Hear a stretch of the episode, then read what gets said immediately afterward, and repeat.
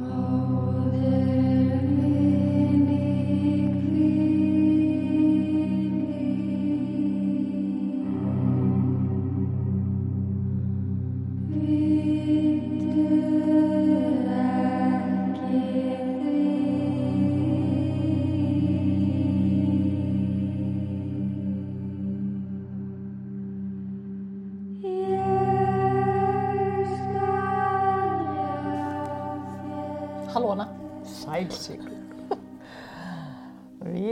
aftur komnar. Ég verð rám bara þegar það er kveikt á þessu tæki. Ég er hérna með heitt kakó bara. Ilja mér hér við heitt kakó. Orna mér við það. Já, þetta, sko, ég er með handrit hérna sem þau meldu galdramál á Íslandi 2. Vegna þess að við vorum með eitt um daginn og mér það svo langt sem ég gerði þetta að ég er svona, ég man bara ekki alveg hvað ég verið að gera. En við skulum vona að ég hafi vandað mig Já, já. og ég viti eitthvað hvað ég er að tala um. En að, ég hef trú á fortíðar, Sigrun. Já, hún er, hún er hérna Já, dugmikil, hún kemur stundum á óvart. kemur á óvart, vinnur í hæginn fyrir framtíðasýrunum. Já, stundum. En stundum var ég að hugsa bara svona, var ég með meðnötun þegar ég var að gera, þú veist, að ég man ekkert stundum aftur í. Bara, það var þetta óþægilegt. ég eða var þetta önnur? Stundum segir fólk við mér bara, ég manst ekki þegar eitthvað, ég bara, ég veit ekkert hvað þú tala um. Var ég með? Þú kannast ekki við þetta? Nei, Jú, ég kannast Þú mjög vel við þetta. Ég held þetta, það, þetta er ekki einstæmi, sko.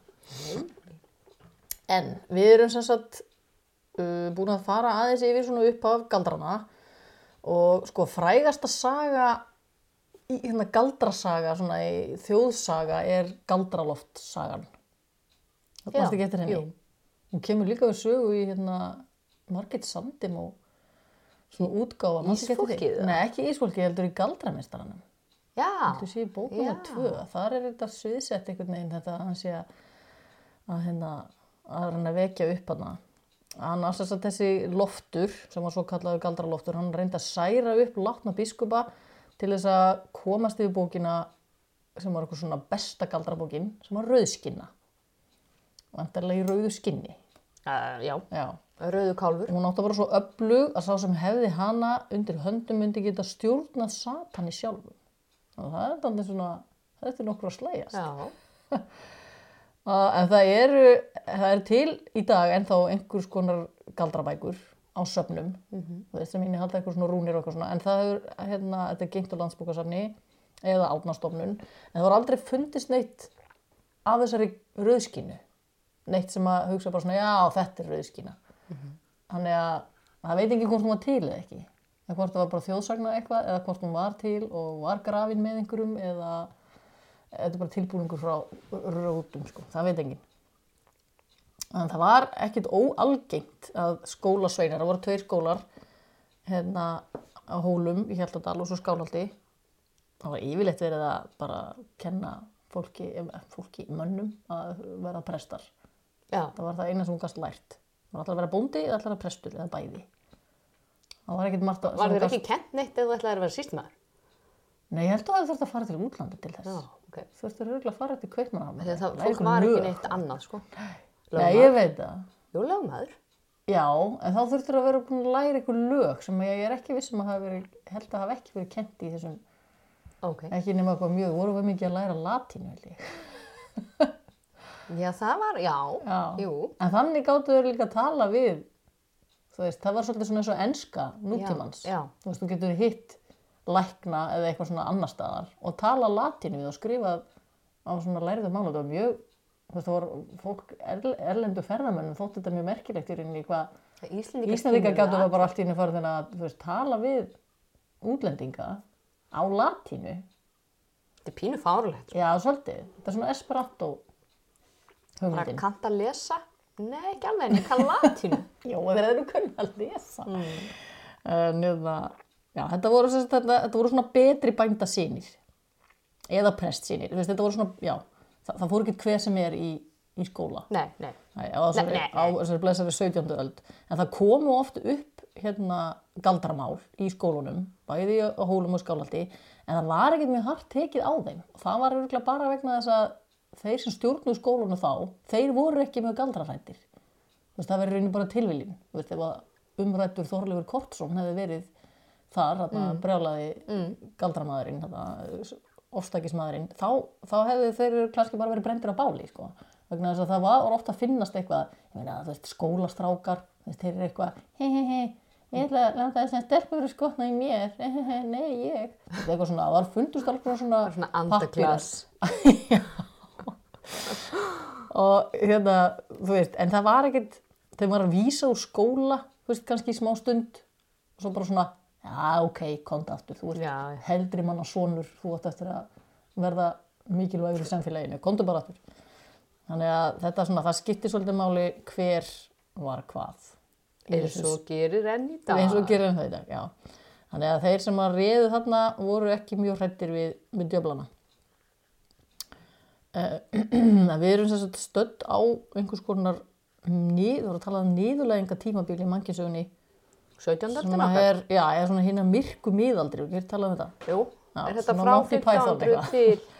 Já, Nei, það er fyrr, sko. Það er alveg, þú veist, þetta er bara í rauninni lokin á þeim, því tímabili, alveg þangandalega fer í eitthvað svona upplýsinga já, tímabili upp úr 1700 þú veist, þetta er, miðaldir eru alveg ég myndi ekki hvort þau byrji bara um 1300 eftir stúrlingu öllina. Já, Þá bara koma myrku miður já, í það dag. kólnaði svo mikið líka Já, við einhvern veginn töpuðum töpuðum öllum skipunum okkar líka fórum ekki neitt og það kólnaði og komið hamfarir. fækkaði, já, og fólk var bara einhvern veginn að rinja niður og allir þessu stóru bíli og allt þetta flotta sem að sem að var á styrlinguöldinu það einhvern veginn bara svona, þú veist þetta sem við höfum komið með okkur, Mm. vopnin og skipin og það, það var bara einhvern veginn búið og það datt einhver með ganga endun í það var- datt einhver með endun í það en það var sem sagt í þessu tímabili þá, þá grassir á svona hérna, stöðnun, grimd, fáfræði, farsóttir og trúarofstæki.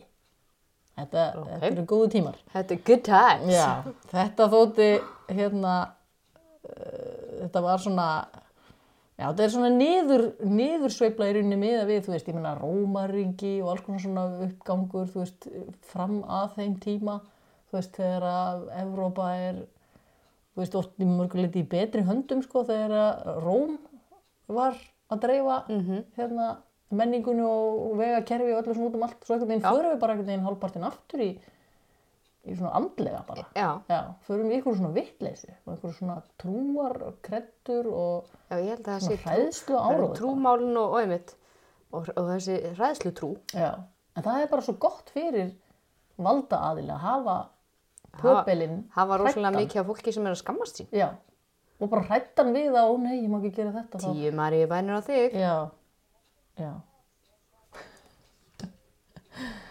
Eh, Það fór samt, hérna, þegar þessi Nornahamar var hérna, í gangi, mástu, bókin góða, mm -hmm. bókin, uh, sko hann Luther, sem að breytir öllu hana í, í síða skiptunum, hann var mjög djöflarhættur. Hann var sjálfur alveg sannfærður, um hann væri ofsóttur af, af illum öndum og eitthvað svona.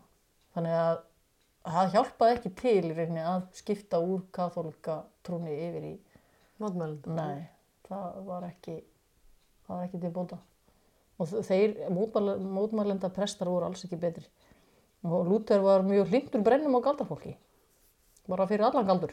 Brennum allt, Já, brennum allt. Já, það var bara, þú veist, hvort sem þú þarf að lækna einhvern eða ekki, bara brennum hann bara til öryggis. Uh, Það er yfirleitt miða við að miðöldum ljúki þegar siðaskiptin verða, 1550, en þá var samt ekki einu sinni búið þetta galdrafólk, það var ekki einu sinni byrjað, sko. Þannig að það passar ekki alveg, sko. Miða við að veist, þessi, þessi andlega fáfræði hafa bara haldið áfram.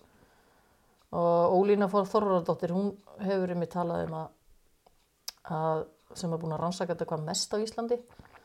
Hún segir að það sé ekkert sniðugt, eða þú veist það sé alltaf villandi að kalla 17. öldina eitthvað sérstaklega galdra öld, þá sést að gefa í skýrin að þá hafi verið galdra meira, það var ekki þannig, það var alltaf gald, eða, þú veist, galdraðina gæsala, Já. þú veist, fólk trúði alveg á galdur og alls konar svona tákn og eitthvað og það var ekkert meira á þessum tíma, það var bara allt í því datt í tísku að vera refsa mikið fyrir það og svo datt það aftur úr tísku að refsa fyrir það. Þannig að galdurinn er í rauninni bara svona stöðugt á, á Íslandi. við erum Alltaf bara, við erum bara að galdri. Já, Já. Veist, við erum, maður er að reyna, fólk er að reyna að bjarga sér úr ymsu.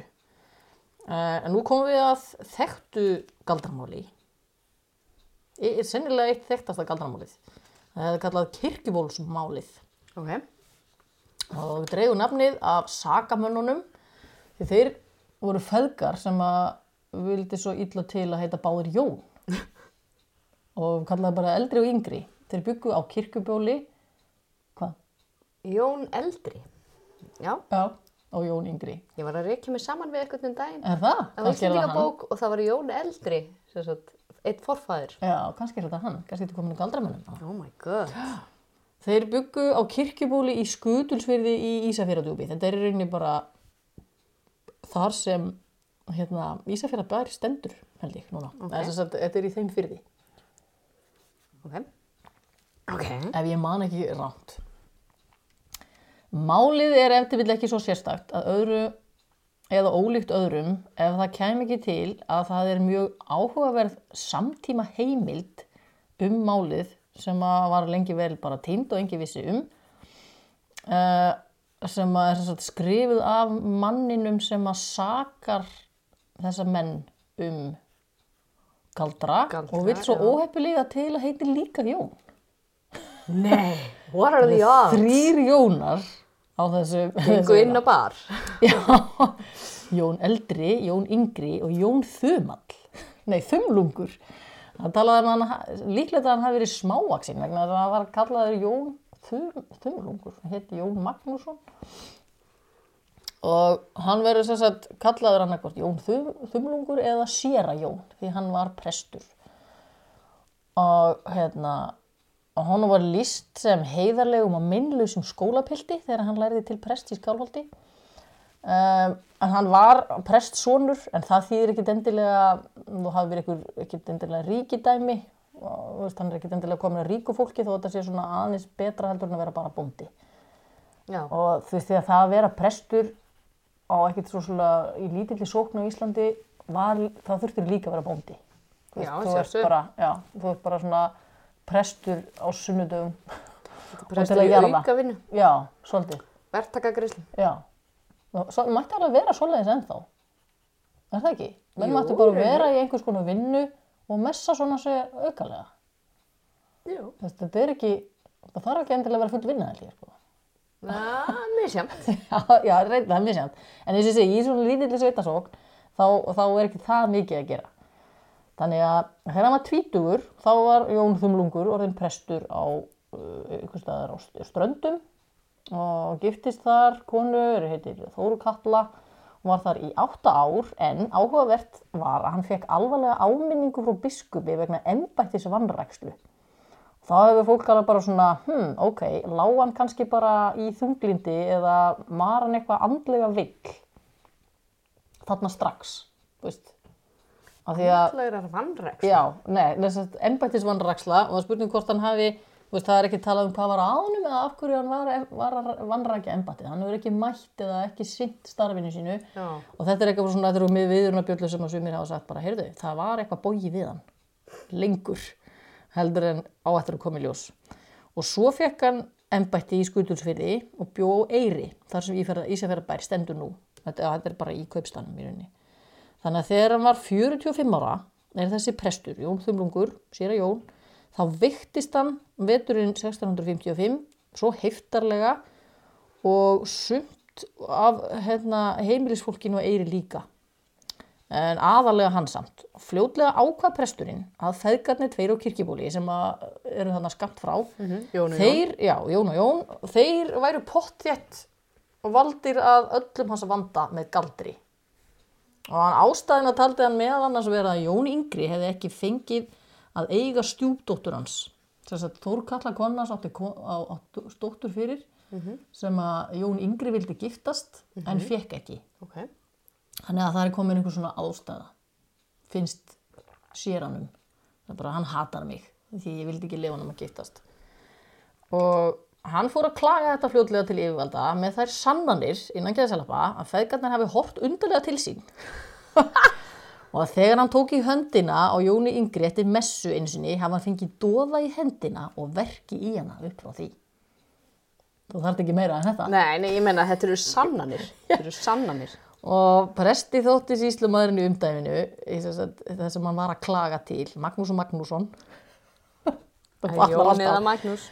Ekki standa nógur gurulega að málinu og hann skrifaði, þegar hann var hann leiður að, að tuða í, síslumanninu sínum, þá skrifaði hann Þorleifi kort sinni, bref, og sárbænda hann um að gera eitthvað í málinu. Og Þorleifur, hann var ekki lengi að bregðast við og kom, hérna, kom á svæðið og það kom sagt, það eru einu heimildirnar um sem að, að gefa í skín að Þorleifur hafi að mögulega nota pyntingar til að knýja fram játningu. Það sem sagt segir í þessari, þessum, þetta sem að Jón skrifar svo setna, Jón presturinn, að það gekk illa að fá feðgana til að játa. Og þá hafið Þorleifur spurt hvort ekki væri til tangir sem hægt væri að hita. Nei, Jó. En svo, má það? ég veit það ekki, þú veist, ég veit ekki eins og hvort að pyntingar voru leiðar eða ekki. Bótt ekki Nei, það lifið. voru ekki leiðar. Það er ekki Þetta þetta bara, Danir hafa verið ókei. búin að banna það, já. En, en það var, þá sko, svo sagði hann ekkert meira um hvort það hefði verið notaðar svo glóandi tangir eða ekki. En hann segir þetta, svolítið, þetta er í rauninni það eina sem að kemur fram einhver svona hugmyndum hvað hefði þá verið gert við. Þetta er áhugavert, sko. Tangir áttu nokkuð Glóandi tangir, Bara- já, ok. Hvort hann- lánað mér Já, það? eða hvort hann sagði þetta bara svona upphátt þannig að þeir heyrðu og, og hérna myndu þá, við, þú veist, þetta væri svona hótun bara. Þannig að það veit það enginn. Eh, Eftir að þeir voru búinir að, veist, þeir voru handteknir, jónarnir, feðgarnir og þeir voru hafðir í nokkur á mánaða varðhaldi við hörmular aðstæður í jarðhísi hjá síslumanni. Þá var útlit og þrek feðgarna farið að láta á sjá. Jóni Yngri hafði alltaf verið líst sem, sagt, sem mjög myndalegu manni, ljós yfirlitið með gullið hár. En eftir fangavistina var hann óþekkjanlegur, grár og gugginn. Og þetta tók presturinn sem bara merki um, um djöfulskap fangana. Þe- Þeir, þetta var bara klart merki um sko sagt. Já, þú veist, það er hefði verið orðin svona ljótir. Það var ekki vegna þess að þeir eru búin að vera í myrkri, í jarðhísi og þú veist, bara nánast vaðandi í eigin skít. Það var vegna þess að þeir voru sekir. Það var vissum þetta.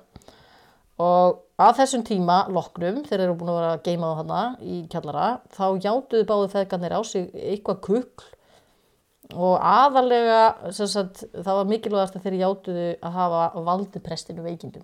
Þannig að segja bara, já, ok.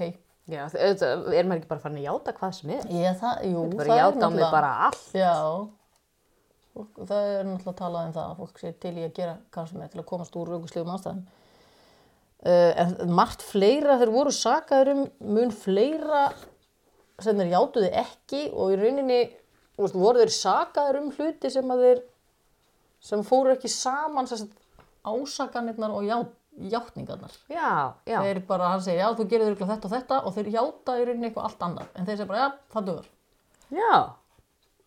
Þannig að það er í rauninni sagt um í dómsorðunum, þegar þeir voru dæmdir hérna bara heimi hér að því, sannir dauðamenn og sá dauði skuli svo á þá lagður vera að í logandi báli brendir verði til ösku eftir því sem hér í landi við gengist hefur. Og þá er hérna, þeir voru bara brendir heima á bæ, hjá sér, heima á kirkibóli, þar sem þeir áttu heima sem ég átta mig ekki alveg á hvers vegna var, akkur voru ekki bara brendir já, og ég, veit svo sem ekki hvað á að brenna fólk og presturinn fekk miklan miskabætur úr búi Jónana því að aldrei þessu vant þá voru þetta ekki fátæklingar þessi Jónar, þeir voru verið að eignamenn. Já, það er sko bæði síslumadurinn og hérna og ásakandinn fá þarna daldið að fjö sem er náttúrulega mjög grunnsamlegt. En það vildi svo merkilega til að veikindi Jóns, Dumlungs, bötnuð ekki eftir brennuna. En hann var þá vissum að það væri þá ennþá óbrendir hlutar af líkonu þeirra Þannig að þeir og, aftur í og eða? það var að heili Jóns yngri lægi ef til vill bara óbrendur í öskunni. Oh. Þannig að það var eitthvað farið að leita að því og reynda að brenna meira og svona. En svo álíktað hann augljóslega að það væri augljóst að Þuríður, dóttir Jóns, eldri og systir hins Jóns, uh, hún væri núna ásakjan. Þannig að það ætla bara að saka Bilaður næsta. maður. Já, nákvæmlega, það er það fyrsta sem maður hugsar. Og það, það sem ég finnst magnað einmitt segir hvað svo undarlegur sem maður er að hún hefði sagt, hann prestinum, hún fannst hún, þessi þurriður þegar það búið að brenna bróðurinnar og pappa hann er fannst að hún hafi brúðist undarlega við þegar hún hitt hann næst hún vildi ekki heilsunum og hún bara, Bara, vildi ekki heilsunum var hverja, mér tala við hann nokkurn hátt eða meðreiðasvein hans. Það er bara þú veist þetta er Og bara hann var bara að hissa. já, hann var að hissa, Hann var búin að vera að gera þarna Guðs verk. Vitt fyrtur sem Já, algjörlega. Þannig að hann hérna er alveg á því að, að þetta hafi verið, frekar verið ástæðan það að hún ætli að halda áfram að gera veikan. Og ekki vilja fagnunum, veist, út af því en ekki að því að hún kannski hafði ástæðu til að hata hann að einhverjum öðrum. Uh, þetta segir bara margt um hvernig, hvað hann var fullur á rámkvömyndunum um, um heiminn, sko. Að hann kærði hann næst fyrir galdra ásóknir en þá var einhvern veginn engin spenningur fyrir því hjá yfirvöldum. Það, ég veit, veit engin alveg okkur það gerðist en Þurriður virtist hafa eiga á átt bara betri vini eða svo stu valda meiri Já, vini. Þannig að hún, þannig að fer, hún var ekki endilega brend, sko. hún var ekki brendafla. Uh, hún fór til presthjónana í Holti í undafyrir og þau bara vörðana og sögðu bara þetta bara kæftæði og hún var svo sett síknuð þó að Jón hafi lengi haldið áfram að reyna að fá hún að dæmta og vera að suða í hérna yfirvöldu með þetta en það er svo þegar þetta þegar það er komið, komið við sögu það er þá sem að Jón ákvað að setjast niður og skrifa sögu sína af viðurregn sinni við galdralíð og djöfla. Og hann skrifar þessa, þetta rít sem er ótrúlega merkilegt og kallaði verkið mjög hóværð og hóværð nafni Píslarsaga Síra Jóns Magnússonar. Og þessi bók er bara til og er búið að gefa hann út. Hérna veist, hann er bara hann að berjast og hann dró ekkert undan í lýsingum sínum og andlegum og líkamlegum hremmingur og hún er svo dramatísk veist, það er bara, hún er ekki hún er sæmilega auðlesin. Veist, hún er samt við erum að tala um þetta er síðan 1600 og eitthvað 50 og eitthvað, eitthvað svo leis uh, hún er alveg vel skrifuð hann er alveg pennafær og með að við það hann er kannski ekki mikið mentaður en handriti kom ekki ljós sagt fyrir en og var fyrst gefið út á prenti 1912 Nú, já, þannig að þú skúfuskáld. Já, þetta var, hann vissi enginn af þessu þannig að þetta er eina samtíma heimildin um mann sem er að vísum geðveikur. Að vísu. en hann er, þú veist, bara einhvern veginn orðaforðin og hvað hann er heitur í þessu og hvað hann er sko bænirnar, hann er svo hrættur um að, að Guð sé yfirgefan eða hann sé að tapa trúni á Guð, þetta, þetta er svo ótrúlega dramatist en þess að þá er hann að reyna að sanna og auðvitað ekki að draga úr málinu því hann er að reyna að fá þurriði dæmda sem hluta þessu galdra líð. Og það hérna bókin, nei ekki bókin, myndin sem ég var að reyna að muna um daginn, hvað hétt, það? Er Myrkrahöfingin Manstu eftir þessu? Sem að Já, Hrafn Gunnlaugsson já. gerði. Hún er gerð eftir þessari sögu. Þess að þá er, Mm. hún er svona mjög geðvikisleg en það er einmitt vegna þess að þessi Síra Jón Síra Jón Var svolítið geð. var geðveikur og hann var einhvern veginn alltaf að upplifa sig sem fullan af einhverjum ásók, ásóknum djöfla. Uh, mér fannst þetta rosalega vond mynd, mann ég samt, en, en þetta er áhugavert. Og það hafa margir í setni tíð vilja greina, veist, hvað hafi verið af honum Jóni? Þessi presturinn, Já. það er allir bara svona, hvað, veist, hvað gekk honum til? Hvað allir hafi verið að plaga hann, sko? Og Ólína vil meina að að það er, sko, það er verið að lýsa þessu sem krampaflogum með mási og fróðufalli sem að koma yfir eiranfólkið að því það voru fleiri en hann sem að veiktust. Og sem að hljómar eins og eitthvað svona hysteríu, svona sefasíkis faraldur uh, og er, er bara víða í Evrópu. Og og var hann í ströndunum hann, veist, fólk var eitthvað svona "Ah", eitthvað svona fjölda áfall. Veist, þegar einn byrjar þá þá tapa sér allir bara svona, já ég er líka með þetta. Ok. ég er að deyja. En hérna, lýsingarnar hans eru líka bara þau gæti hafa bara hreinlega verið flensa. Uh, Og hýta koronavírus, fyrir, fyrir sína, sín tíma. En það var einhver sjúkdómur sennilega en það er hérna verkir í hálsi, brjóstóli, fyrringur dofi, hiti eða nýstingskuldi, bruni um brjóstið, slög yfir höfuð eða brjóst, þrengsli í hálsi og yfir brjóstið. Og honum finnst þess að sitja á sér, sko, bara djöfullin sitja á sér, bara hún er svo þungt um andadrátt, sko. Og, og hérna, þannig að sumt af þessu er bara, eh, já, gæti bara verið eins og hver önnur flensa þó að hann hafi tólkað þetta svona. En hann mjög, hérna, hann er mjög hrætt, hann var bara mjög hrættur veist, hann bara alltaf held að Guð væri búin að yfirgefa sig og, og hann heldur ósum að tuða, tuða klifa á bænunum sínum og eitthvað svona. En svo hafa aðrir líka það var svona vísindavefnum þetta eru nokkar greinar á vísindavefnum um þetta mál. Og það er einhver hérna, fyriröndi professor í sálarfræði sem segir að það sé erfitt að hérna, veist náttúrulega er ekki þetta sjúkdómsgreina fólk sem að Það var ekki verið Er að reyna er það með eigin lífi? Jú, þú veist, það er alltaf gaman að spekulera eitthvað svona, en þú veist, það er náttúrulega ekki hægt eitthvað í alvörinni. En hann talaði um að sennilega hefur eitthvað verið sem að, að, að plagan sem að væri kallaði geðraskanir í dag, þú veist, einhvers konar áráttu og þráhyggjuröskun uh, og svona, hann, að því að hann er svo rosalega hrættur um að vera guðlasta eða falli fristingar, þú veist, hann er sjúklega áhyggjur af því, presturinn. Og svo líka bara þunglindi, uh, kvíðaröskun, hugurofsröskun og svo er það eitthvað til sem heitir líkömnunarröskun sem er óeðlilegur ótti við sjúkdóma. Það er kannski einhverju sem kannast að við það þessa. Líkömnuna rösku. Já, þú heldur alltaf að sé eitthvað að líkamannum hjá þér. Ah. Ég, hérna, ég tengi svolítið við þetta, ég var krakki, ég held alltaf að ég væri með alla sjúkdóma sem getur, veist, sem ég heyrði um bara. Bara, já, ég er að degjur þessu sjúkdómi. Það er pottið þetta sem er að mér. en þú veist, það er alltaf gaman að spá í ykkur svona, þó að þessi ekki hægt að finna út nákvæmlega. En eh, svo líka bara það sem að okkur finnst vera geðræn vandamál, þú veist, er ekki endilega geðræn vandamál í öðrum menningarheimum þú veist, það að vera eitthvað svona heitur í trúnni og vera hrættu við djöful, djöfulinn, þú veist, það er bara eitthvað sem við skiljum ekki. Þú veist, við erum bara eitthvað svona, að þú ert rúglaður. En, en hjá honum, já, þá, hjá þeim var þetta svona, þú veist, gott merki í rauninni, þú ert, þú ert trúar heitur, þú ert, hérna, góður guðs þegn, eða eitthvað. Stendiði vel. Jú, stendur þið vel, þú ert að gera það sem þú átt að vera að gera, sem prestur. Já, þetta var sem sagt, já, þetta er frækt aðalega fyrir þetta út af þessari heimild. Ekki það að þetta hafi verið eitthvað öðruvísi mál en, en hafa verið. Eh, Svo komu fleiri galdramál upp á næstu árum, sem, hver, sem einn og einn maður brendur fyrir smávægilegt galdrakukl. Og síðasta málið, þar sem að vera fleiri en eitt sökudólgur brendu fyrir sama glæpin, kom líka upp á vestfjörðum, ótrúlegt en satt, að, í Arnarfyrði.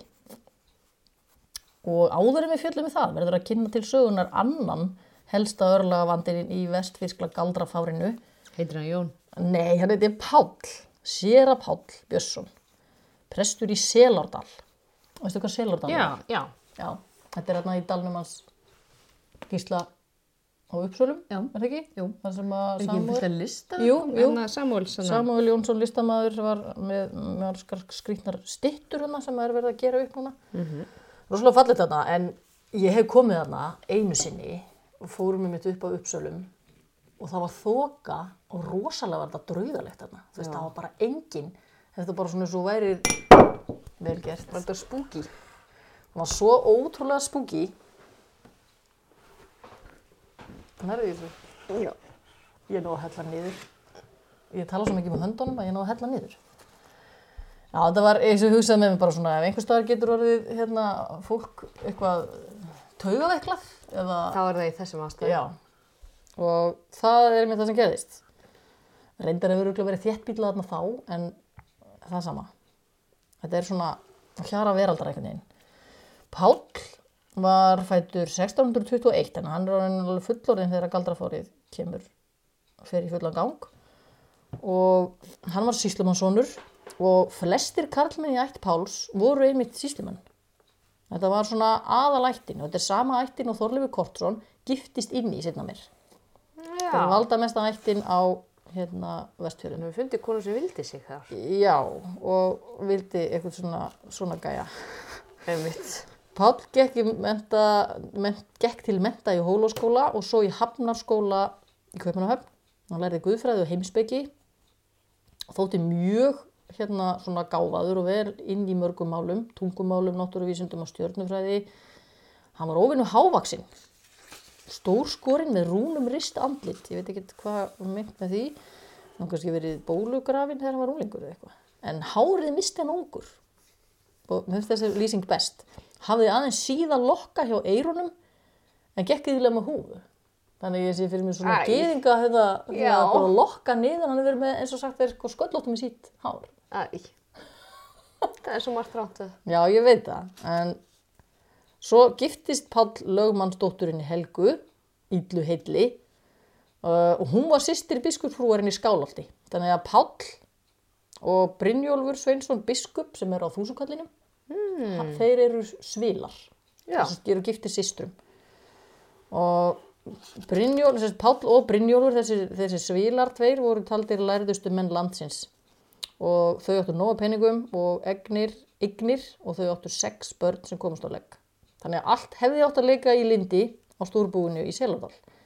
En Páll var ekki aðeins vel lesin í greinum, þeim greinum sem áður hafa verið upptalinn, heldur var hann líka mjög vel að sér í djöblafræði. Hann vissum að svartigaldur væri raunverulegur. Þannig að hann skrifaði líka eitthvað rit 1674 sem að hétt á, á, hérna, á latinu sem heitir Karakter Bístiæ Bístiæ og var kallað því kennimark kölska á íslensku. Og það var svolítið byggt á Nortnahamrinum að æsi spennandi það er þetta, hérna, fá þetta bara í, á bókasafni og gefið út aftur fyrir 30-40 árum. Og hún er alveg áhugaverð til að komast inn í hugarheim þá sem voru hrættir við nornir og búka. Páll talar um hvernig nörd, nornir geti kornabörn og séu mjög spenntar fyrir sagt, barnaáti. Það er seti bæði um skýrð og óskýrð börn og drepi í svefni. Þeir búðir að jarða barnið steli þær líkinu úr gröfinni og sjóði potti og úr soðinu, kjöti og beinum sé hægt að gera í gagleg smysl og drikki Getur þú hugsað þér menn, já, menn sem er bara eitthvað svona að pæla í þessu Nei, Svona, ég get já. ekki alveg sem er það. þú veist, veist, hefur ekkert betra að gera. Það er eitthvað svona, hugsa upp ykkur uppskriftir úr sóðnum barnabeinum. Þannig að það eru mjög óhugnlega lýsingar á framferði stórhættulegra kvenna sem höfðu selt djöflinu sál sína. Mjög svipað þessum evrósku nornaviðu, en það var hann mentaður í, í Danmörku. Og þegar Helga, konarnas Páls, fór að veikjast af óvenjulegum sjúkdómum 1660, þá var nú ekki lengi að tengja saman og það með. ykkur illur andi sem ásækt hana. En veikindin voru bæði andleg og líkamleg og fóru síversnandi. Hún er búin að vera þarna sjúklingur í einhver tíma, átta árum síðar, 1668, hann ástandi voru svo slæmt og ásókn hins illa svo mikil að heimilisfólki flúði tímabundið af heimilinu vegna, vegna draugagangs. Helga var að vissum að ungur maður nafni Jón Leifsson hlítið að standa á bakvið ára sinnar því að hann hefði beðið um hönd einnar vinnukonunar á bænum fyrir einhverju síðan en Helga hafði ekki leifta. Það er svona svipið saga á hitt. Já. Og og alltaf svona ung, reyðir ungir menn sem að fengi ekki konunar sínar. En það vildi svo heppilega eða óheppilega til að síslumadurinn í Barastandarsíslu, þar sem Selordalur er, var einmitt ekkert ríki sem var bróðir Páls.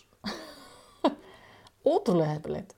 Hann hafði líka eitt tíma í Evrópu og var svona næst áhuga samastur á eftir áðunemdum Þorleifi Kortsinni í galdra ásóknum að hálfu síslamann á Íslandi. Þannig að ekkert gekk í að redda máluna fyrir bróðu sinn og mákonu með aðstóð Þorleifs sem þá voru hann lögmaður fyrir vestan og sem þetta réði yfir, í rauninni hann var yfirmaður síslumannana og ekkert let bara brenna þennan strák vorið 1669 Uh, sorry, vinnur. Já, við erum bara að taka þetta í okkar hendur. Jón Leifsson, hann, Jón, en eitthvað Jónin, hann hafði ekki bara játað eitthvað kukl, heldur hafði hann bent á annan mann sem hafði kent honum.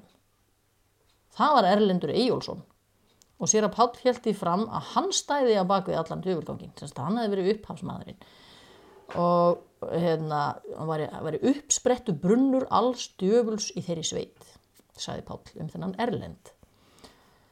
Uh, Erlendur játaði að hafa kent öðrum galdra og var brendur til bana sama ára og jól. En sér að Páll var hann svo samdögna hugmyndum sínum og ótta heima fyrir að hann hefði skrifað þess að til Brynjóls, þess að svila síns í, í skálholti og baða hann um að taka galdramál fyrir á prestastefnu sagði bara, herði, það er bara landið er að leggjast undir, það er alltaf í, það er alltaf í rugli Það hérna þú verður að, að- já, allir prestar þurfa að saminast gegn eitthvað svona Það þarf nú ekki að brenna marga til þess að það komi skarði í, sko. nei, nákvæmlega þegar til að tölfræðin verði sveitinni. en þá vildi bara svo vel til að þessi Brynjúlur, hann hafði bara engan áhuga á þessu Á að brenna neitt. Nei, hann hafði bara engan áhuga á þessu djöflafræðin yfir leitt. Hann var bara hann aðeins í Suðurlandir og þar gerðist rosalega lítið og það bara svona, það dó bara í nefnd þetta mál, þú veist það bara, já, já, ég man ekki hvort hann svaraði honum eitthvað eða hvort hann bara, já, leta hann deyja út. Uh, það léttist eitthvað aðeins lífi hjá Helgu, tímabundið, eftir að búið drem, dre, drepa, þess, jú, drepa, brenna þessar tvo menn og þau fóru aftur að búa í Selodal en og þá var samt búið að brenna líka hluta af bæjarhúsunum þar sem draugagangurinn hefði verið mestur. Það áttu svona svæla út Já. pestina. En tveimur árum setna var allt komið í sama horfið og aftur þurfti að hreinsa sveitin af illum öflum. Helga var ekki svo eina sem viktist að þessu sinni heldur tveir sínir þeirra hjóna líka. Og nú var annar Jón fyrir ásökunum. Þetta er svona við slum ekki skýra börnun okkar Jónas. Nei. Jón Úlfsson að þessu sinni sem einu sinni hafi verið í vinnu hjá sjálfdarshjólunum og átti að þeirra mati eitthvað sögótt við það kom ekki fram hvað það var. Hann harðneitaði hins vegar sög þrátt fyrir að hafa fallið á tiltareiði þess að hann hafði ekki fengið nú marga til að sverja Já, sig í rauninni hann átti ekki nógu góð vini. Það þurfti að alveg tólf nógu góða vinni. Já. Duga Facebook-vinnir það?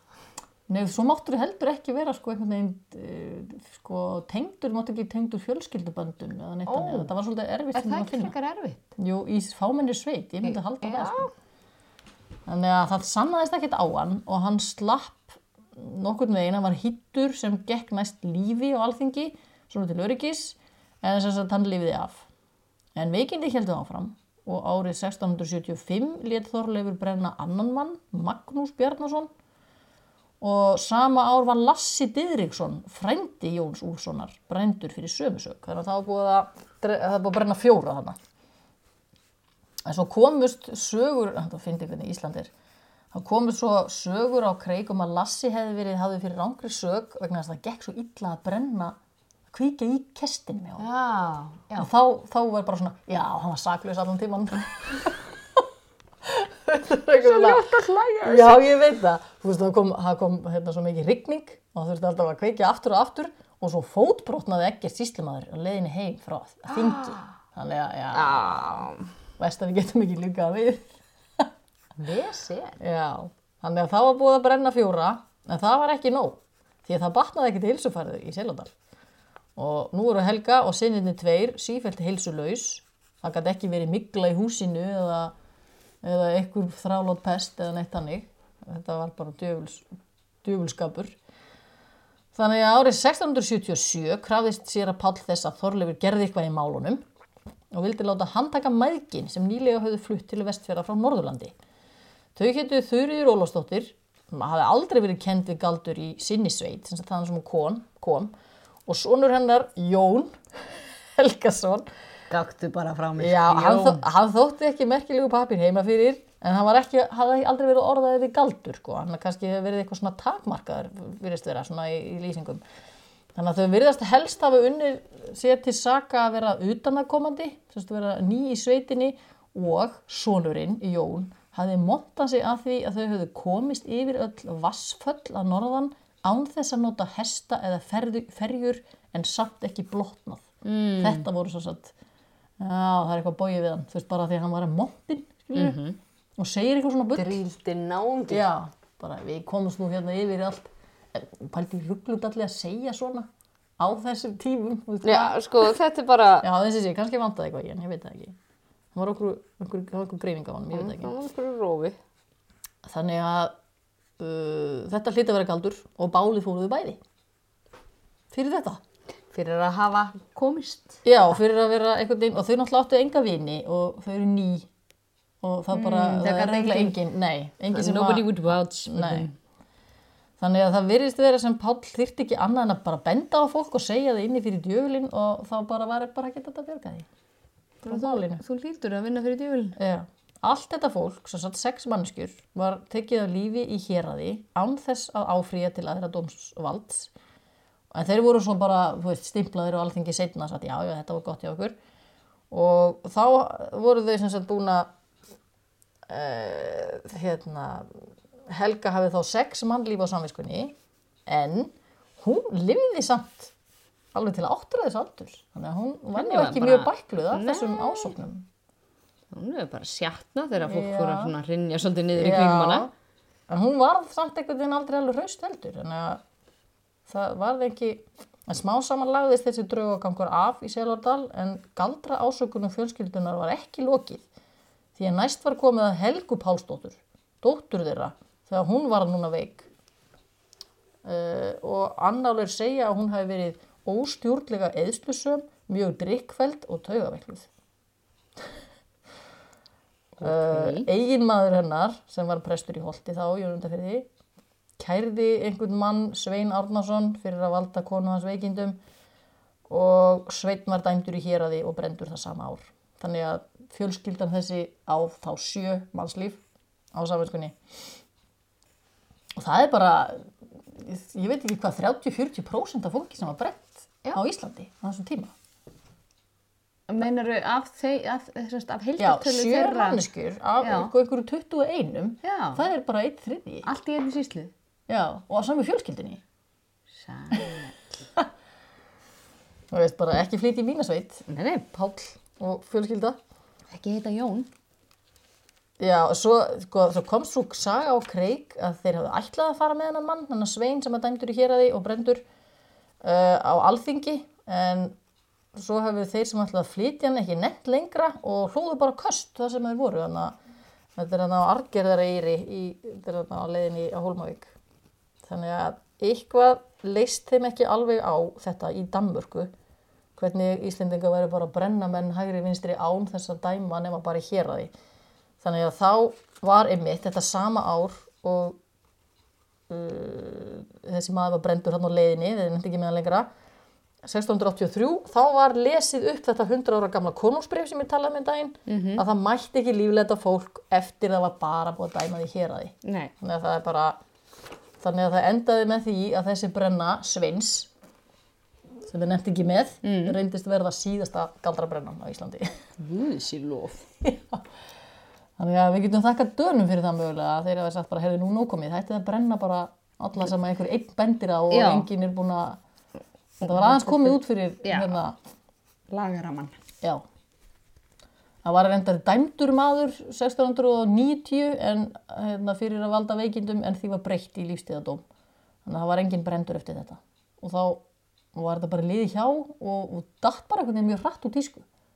Borga. Ég vil bara svona, já, herði, þess að þau fólk hafi vaknað bara upp af einhverju dóða, bara nei, við nennum ekki að hlusta á þetta lengur. Við, na, það bara, já, þannig að sagt, það hefur, það sem er áhugavert við íslensk galdramál er að að þessum 22 tilvíkum sem er talað um að hafa verið brent, þá er bara ein kona og það er þessi norrlenska vinnukóla, kona í Seludal, já. Ég held einmitt að að það var, að það hefði verið meira svona Nei, það er það. Evrópu. Já, það eru nornabrennur, já. Já. Það var lang, veist, það er alveg 80-90% telli. En hér er þetta bara brotabrót, sko. Þannig að það er eiginlega það sem er skrítið við bara frá öllum, öllum hérna löndum í kringum okkur. Það eru tíu konur, konur sem voru eitthvað svona bendlaða við galdra, en bara þessi eina sem var, var brent. Þannig að það, þessi fljúandi konur og kústum með samning við djöfulinn voru ekki þær sem voru í mestri hættu. Heldur einhverju Sér svona, mest einhverju svona menn sem voru að reyna að lækna eða senda drauga eða gera veikind, eða þú veist, valda öðrum veikindum. Það Mm. er reyni þeir sem þykja hættulegistir hér. Og þá tengist þetta líka bara svolítið, þú veist, það voru frekar menn sem voru að grúska í einhverju svona lærdómi og skrifa á einhverju skræðum og lesa sér til. Já, sem er náttúrulega ókvænlegt, sko. Það er mjög ómænlegt. Og þetta með bara held ég að vilja náungunum svolítið illt. Já, læsi á meðal kvenna var til dæmis bara ekki eins algengt á Íslandi og hjá körlum. Þú veist, það er bara kannski í fleiri löndum en á einhverjum ástæðum verður þetta þessi þróun á Íslandi að það er erfið að finna kannski sönnunugögn gegn konum vegna þess að það var ekki að finnast hjá þeim einhverju bleðlar og kannski voru kallarnir bara ekkert, be- hefðu ekkert betra að gera, ég veit ekki. voru bara fram á nótt eitthvað að hangsa. En í djöflafræðin í Nortnahamurinn var alltaf talað um að djöfellin réðist á þá sem að vera eitthvað veikari fyrir. Þess vegna verður hann að ráðast á konur sem verður síðferðislega veikari fyrir. En af einhverjum ástæðum virðist það ekki hafa átt við á Íslandi. Ég veit ekki hvaða pælingar það eru. Nú, ég kannast hvort ekki að fólk hafi, nei, að, þú veist, af hverju það ætti að vera eitthvað öðruvísi. En svo er það þetta með þú veist, það er einnig það sem að sker sig úr þetta með kynjakvótan og svo er það af hverju voru vestfyrir svona öðruvísi.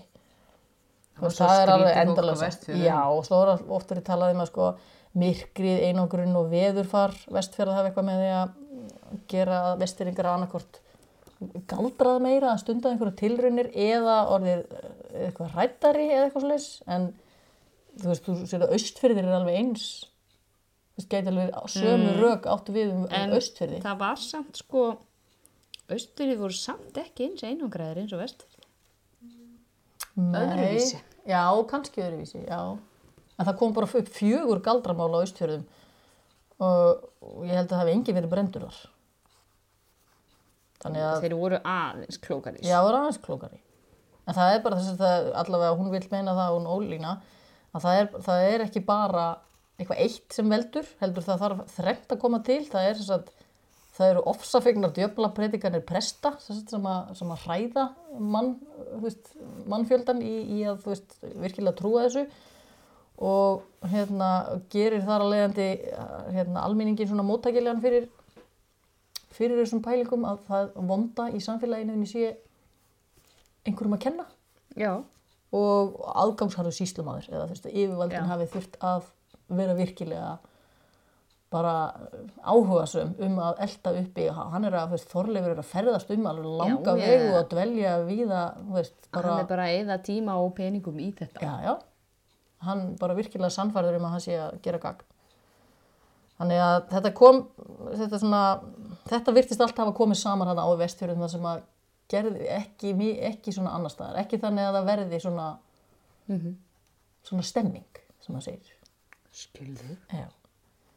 Þannig að uh, á Suðurlandi til dæmis allt öðru önnur stemming með hérna, þennan Brynjól biskup og svo var annar var maður hérna kallaður Vísi Gísli það var hérna síslimaður var ægilega svona fróður og, og velmetin maður þeir hefðu bara yngar áhugjur að, að djöfuldin væri að taka yfir allavega ekki á Suðurlandinu þeir tók ekki þátt í þessu og þú veist það er til dæmis eins og kom upp mál í skálhaldi þar sem að hann réði einmitt hann Brynjólfur og, og þessu svona skólamál og hann bara eitthvað, neða, það er heimstrákar í smá stund og svo Já. komið þið bara aftur Kæla sér niður Já, strákar. kæla sér niður.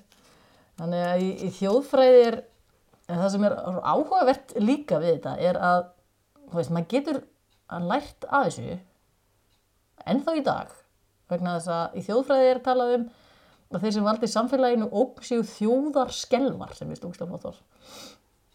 Þannig að almenningur og yfirvöld og fjölmiðlar í dag eru svolítið þessir aðilar ef að þeir ákveða Skelvar. Já, ef að þeir, allir þessir aðilar leggjast á eitt um að þetta bara, þú sér bara eitthvað svona uppgangur hægri afla í einhverjum löndum. Það myndast einhver stemming. Já. þetta er hættulegt fólk. Við þurfum að koma í veg fyrir það og smá saman ef almenningur er, er með í þessu, þá verða stjórnvöld þannig þengjandi og fjölmiðlarnir verða á, veist, fara á hjólið með þeir sem eru ráðandi. Og við sjáum alveg svona aðstæðu skapast í útlöndum sérstaklega. Já, já, já, þetta bara hefur gerst í gegnum tíðina bara í heiminum og þá kemur svona svo kallað síðafár sem að verður til þess að fólk einhvern veginn verður svo hrætt og skelvarnir eru, þú veist, þeir verða svona, þeir eru svona hinir Já. og þeir eru hættulegir. The others. Já, og það er mjög áhugavert að bera saman, þú hefur heyrt talað um hérna frægasta galdramál í heiminum sem er hérna í Salem, Massachusetts. Alltaf í bandarækjunum eða það er talað um einhver nord, sé einhver staðir þá er alltaf talað um Salem. Bærum Já. Salem, Nei, eins og síkaretunar. Eins og síkartum. Eins og allt vond. Já, Salem, Massachusetts og er bara, að þetta, sko þar fer galdrafárið í gang eftir að við erum hægt að brenna fólk. Það er, sko, það er komið 1692 og allir eru hægt að hugsa um þetta í Evrópu. En þá var þetta bara svona eins og pest. Hún gengur bara svona, þú veist, hún er bara Já, að koma í nýja og heiminn. Já, þannig að líkindin er alveg til staðar og það er bara, það kemur bara eitthvað svona allsherjar fár þar sem að bærin Seilem og nærlegjandi bæjarfélög þau bara þau lögðust bara einhvern veginn í, tóma vitleysu. Það, það byrjar á því að hérna, það eru tvær stúlkur sem að sögðustur að voru veikar, sögðustur að nornir og fóru að benda á nákvæmna sína. Og þessi líka og þessi líka. Og þá bara, þetta verður bara eins og, eins og farandur í alvörinni vegna þess að þegar það búið að taka það fólk upp aftur og byrjuð að pynta það og það verður að skoða líkamann á fólki þú veist, þú var að tala um kennimark kölska, það er Já, sagt- já. Það er, getur bara verið hvað sem er. Það getur bara verið fæðingablettur, það getur verið ör það getur verið, ef þú sem tólkandi ákveður að segja eða sé hérna, eitthvað dulafullt við- þú veist, það var bara eitthvað svona verið að klæða fólk úr fötunum og dómarar að skoða þetta var svo skrítið og allar fangageimslur voru fullar. sko, þetta er bara ótrúlegt hvernig þetta veginn og það, það skilur enginn almennilega hvernig þetta hvernig þetta gat orðið svona. Og það voru komin 150 manns í hérna fangageimslur þetta var bara eitthvað svona smábær þú veist, þannig, þetta er svona Bara borgarnes? þetta er bara í, nei, þetta er svona, þetta er svona, svona þétt, þetta er svona bæir sem eru svona þétt saman. og þar eru sko bæði betri borgarar og fátæklingar, hérna, rosalega oft ungar stelpur sem eru að, að saka þennan og hinn um eitthvað. Og segja bara, já, ég sá þessa konu líkamnast í stofunni hjá mér og hún sagði mér að gera þetta og eitthvað svona. Og svo bara, þetta verður bara svona svona dóminó bara, heyrðu, þá, þá ætla ég að pína þennan og þessi segir þá eitthvað annan nafn. Og þetta voru bara hjón, þetta voru, menn og konur sem að voru hérna sakaðir. En það voru að lo- lokum sko átjón mannskjur teknar að lífi þarna. Það voru meiri hlutin konur sem að voru dæmdar Með brennum? já.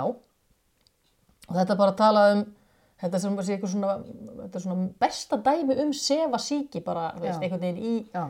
Þú veist, þetta er þekktasta dæmið um bara svona þegar eitthvað svona, eitthvað svona afmarkaðu staður bara tapar sér bara. -hmm. veist, í einhverja, eitthvað fár. En þetta getur samt einhvern veginn þú veist, það eru 400 ár síðan er það ekki? Eða eru 300 ár síðan? Já, þetta, ver, þetta er að verða 1700 þannig uh, en þetta sko er hinn eilíða dæmisaga um hvað við þurfum að varast fordóma gangvart því sem við ekki skiljum. Og nú ger, kemur eitthvað ótrúlega gáulegt þetta frá mér. Það er nefnilega harkalegt að dæma fortíðina eða samfélög sem vanþróið eða fákunnandi þegar við gerum nánast eins í dag. Sagt við getum ennþá dottið í þetta. Að, að, að hérna, Já. taka fólk af lífi í hérna. Nei þú veist dottið í svona, svona fár.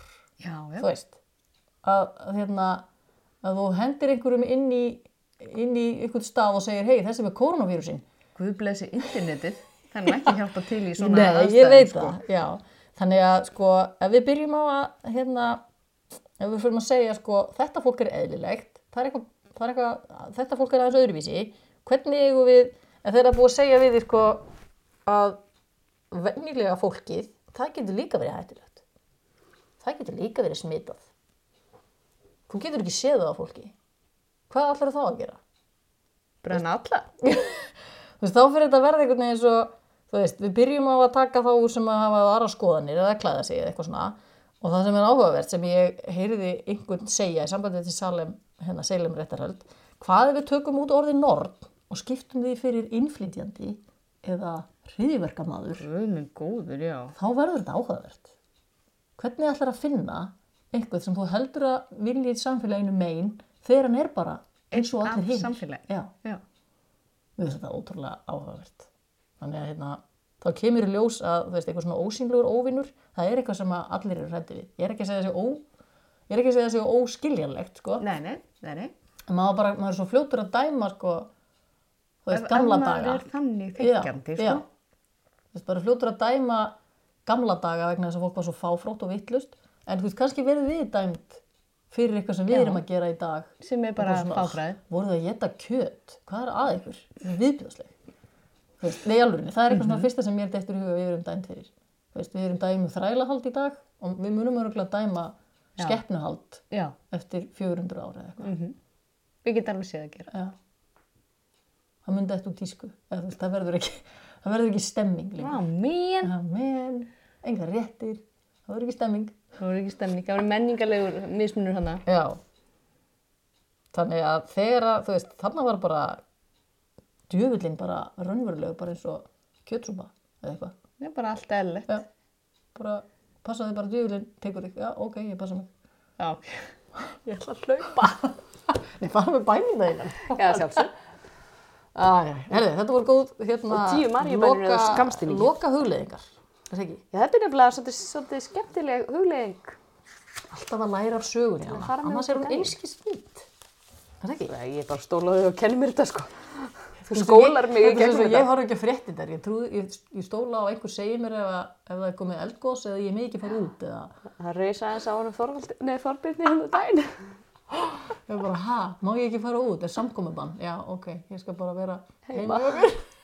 Já, nóga garni og Já, kjöt í kistunni og svona. Nei, kjöt er að ó nei, við verðum að klára það annars Ok. okay. er dáið til einskis. Já, já, Það ég get alveg síðan að klára það. Herði, kíkjum á, ég, það, er komið, það er komið síða, Facebook Já, síða, já. svo er þetta á Spotify og þetta hlutir eru núna að gerast, loksins. Markasnefndin Já. hefur bara tekið við sér. Og kjarnin, hann er líka. Þannig að- Herði, þetta er næstu í klukktími. Ég næði að stoppa áður með klukktími. Klakka til, klakka til næsta, ok. Bye.